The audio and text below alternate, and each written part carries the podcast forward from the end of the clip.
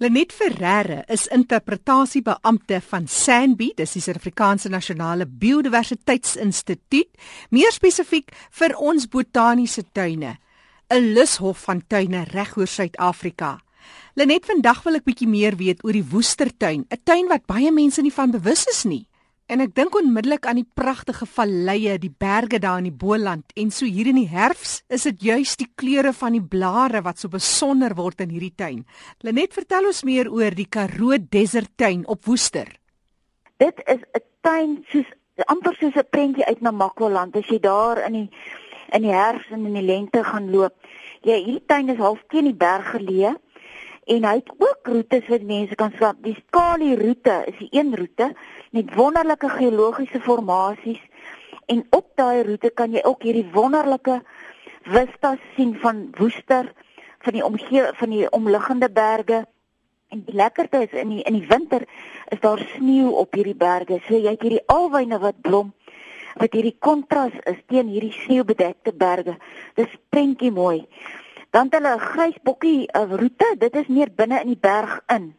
Hierdie roete is geleë gewoonlik in die natuurlike gebied van van die tuine. Elke tuin het 'n natuurlike gebied met natuurlike plante groei wat net nie gekultiveerde plante insluit nie.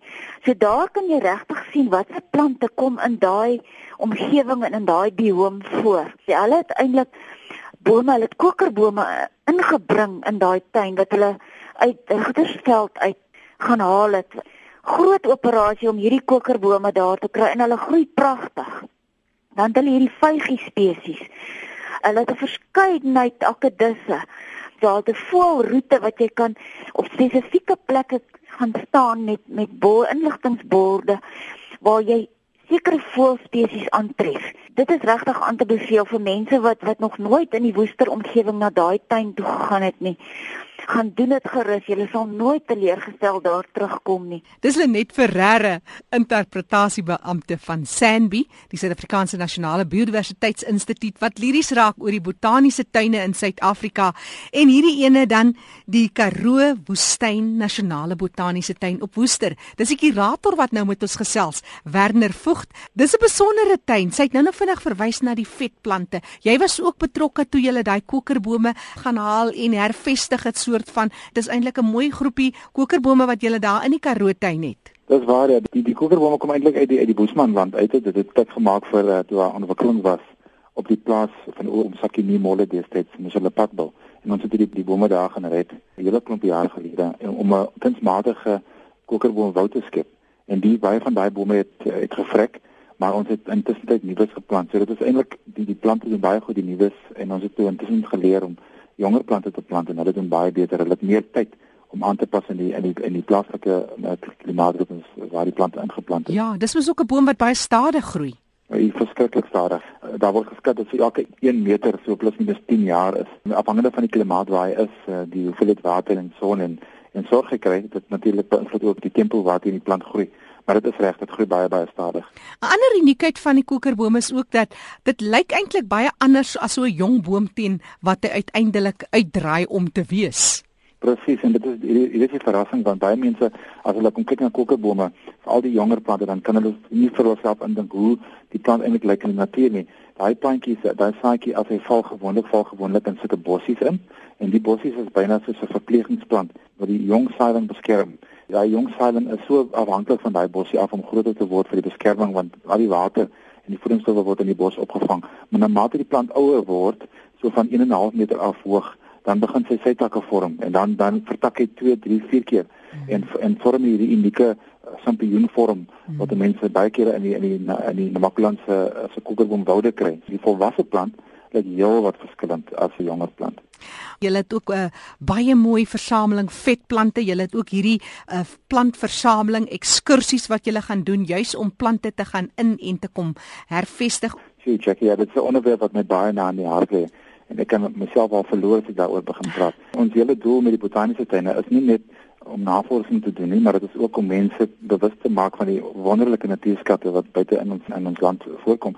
Omdat ons die woestyn botaniese tuine is, is die fokus daarop dat ons die verskillende families vetplante wat in Suid-Afrika voorkom tentoon te stel en om bewusmaking te kweek, veral bewusmaking in terme van bewaring. So ons het verskillende temas in die tuin. Uh, ons fokus op die die vyf groepe. Ons het ook die plakkies, uh, anders beter bekend as crushulus. Mm. Dan het ons een van die wonderlikste planteversamelings in ons kwekerye waar die bedreigde spesies beskerm word en verduidelik word. En ons het doen hierdie met begeleidende toere sodat mense wat nie so goed ken nie, uh, geleentheid het om die plante meer in detail te leer ken. En dit is baie belangrik vir botaniese tuine om hierdie tipe werk te doen want 'n botaniese tuin is soos 'n lewendige museum en dit dit bied byna 'n safeguard vir plante in die natuur wat vir een of ander rede in gevaar is dan dan is die plante binne 'n beskermde opset en kan dan later weer geteel word om dan weer in die natuur teruggeplaas word. Dit is baie belangrik. Dit is die hartklop van 'n botaniese tuin. Ja. Dis die ekskursies wat ons doen en die bewusmaking wat ons doen. En ons kwekerye speel 'n baie baie belangrike rol in, in daai fasette. Is Werner Vogt wat gesels. Hy's kurator van die Karoo Woestyn Nasionale Botaniese Tuin op Woester.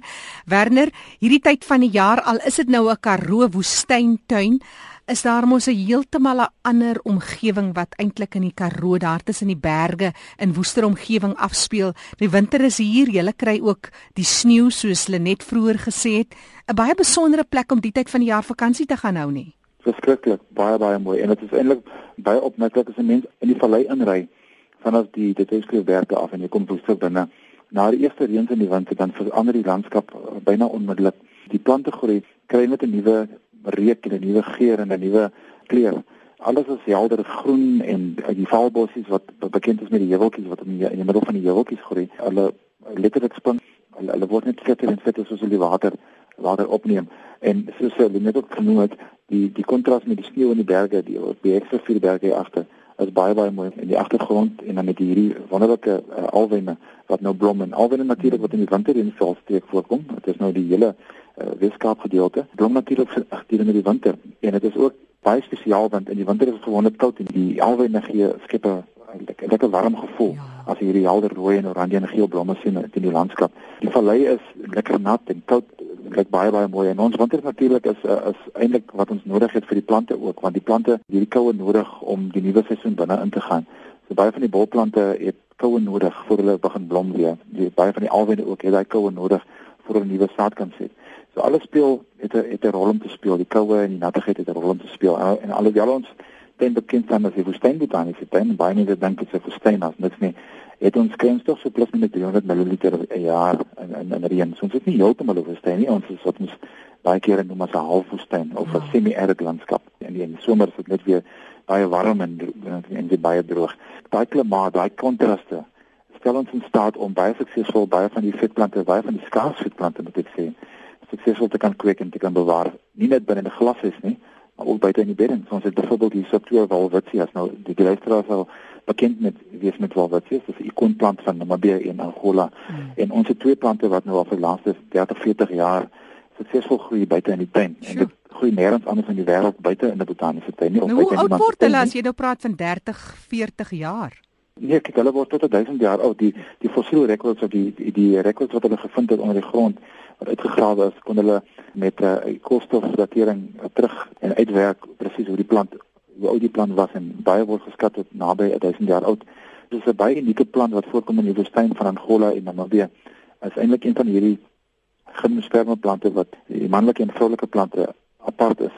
Hmm. En die plant het sy uh, eienskappe verloor om, om as 'n boom te groei en later groei nou plat in die grond. Dit lyk soos 'n soos 'n woestyn seker byna op die landskap. Ja, dit is 'n baie unieke plant. Dit is uniek want Werner, ek stel my net voor, is mos 'n plant wat eintlik redelik wyd groei en hy's mos lyk amper soos net so so 'n klomp blare wat daar bo mekaar lê. Dis reg ja, hulle kom dit lyk presies so dit lyk baie mense sê dit is heel wat blare, maar eintlik is dit net twee blare wat so sê was groei byna soos 'n 'n konveierbelt op 'n masjien. Hy hy loop net aan en aan en aan en aan en dit is eintlik net twee blare wat groei en dit kom in die in die in die kusvog dele zones voor van Westelike Namibië en Suidwestelike Angola en net daar in herwes anders nie. Werner Vogt is die kurator dis by die Karoo Woestyn Nasionale Botaniese Tuin op Woester. Werner, julle is omtrent aktief daar, maar 'n ander opgewondenheid, vertel ons bietjie meer oor die erfenistuin. Die erfenistuin die die hele konsep het begin toe ons gekyk het na sekere areas in die tuin om om te herontwikkel. Die tuin is amper is amper 100 jaar oud, so in 2021 as ons 100 jaar oud en van dit tot dit met 'n mens kyk na nuwe ontwikkelinge. Nou die term medisinale tuin of of bruikbare plante tuin is 'n baie bekende term reg oor Suid-Afrika, maar ons het gaan sit en gaan dink oor om liewer 'n erfenisstuin te skep. Met ander woorde 'n tuin wat praat van Suid-Afrika se erfenis. So dit sluit nie net plante in nie. En ons het 'n hele nuwe area omskep en voorberei en ons besig nou om die finale goedjies te doen in in daai spesifieke area. Ons wil graag die tuin bekendstel op die 24 September. Dit is uh, nasionale erfenisdag in Suid-Afrika. En in die tuin uh, het ons verskillende temas. Elke tema konsentreer op 'n spesifieke gebruik of 'n spesifieke uh, deel van ons nasionale erfenis. So ons praat nie net van plante wat gebruik word vir medisonale doeleindes nie, ons praat ook van plante wat in hulle verwerkte vorm gebruik word om klere van te maak, om hoedens mee te brei, om matjies mee te maak. Dan is daar ook 'n hele deel wat gaan oor rotskuns, uh, van die oudste rotskuns wat in Suid-Afrika voorkom, wat ons probeer illustreer en uitbeeld in die tuin. Dan is daar plante wat gebruik word om mee te jag, plante wat uh, baie belangrik geword het hier daar in in die samelewing, veral in die landelike gebiede.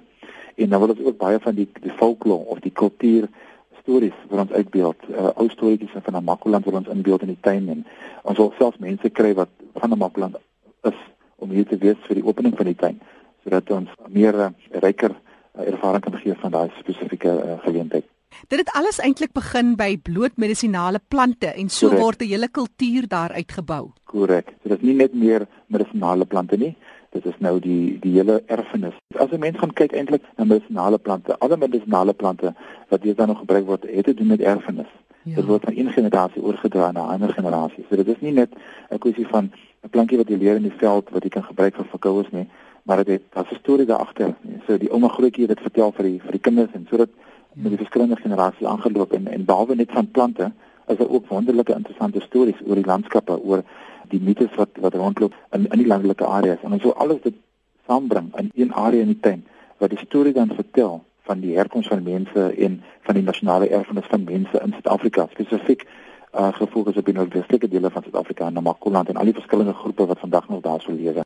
Dis Werner Vogt wat so passievol gesels oor die Karoo Woestyn Nasionale Botaniese Tuin. Dis op Woester. Dit staan ook bekend as die Khoisan-tuin. Dis reg, dit was die oorspronklike naam geweest wat dan nou medisinale plante gehuisves het. Ons het gekies, ons het doelbewus gekies om hierdie naam Khoisan te gebruik nie want dan praat jy net van 'n spesifieke kultuur of of mensgroep ons het liewer gesê kom ons sê erfenisstuin of heritage garden want dan weet ons ons praat van almal die verskillende volkere binne in Suid-Afrika. Werner, uh, vir mense wat meer wil oplees oor die tuin, hulle maak seker maar 'n draai op Sandby se webtuiste en 'n skakel na julle, vertel ons.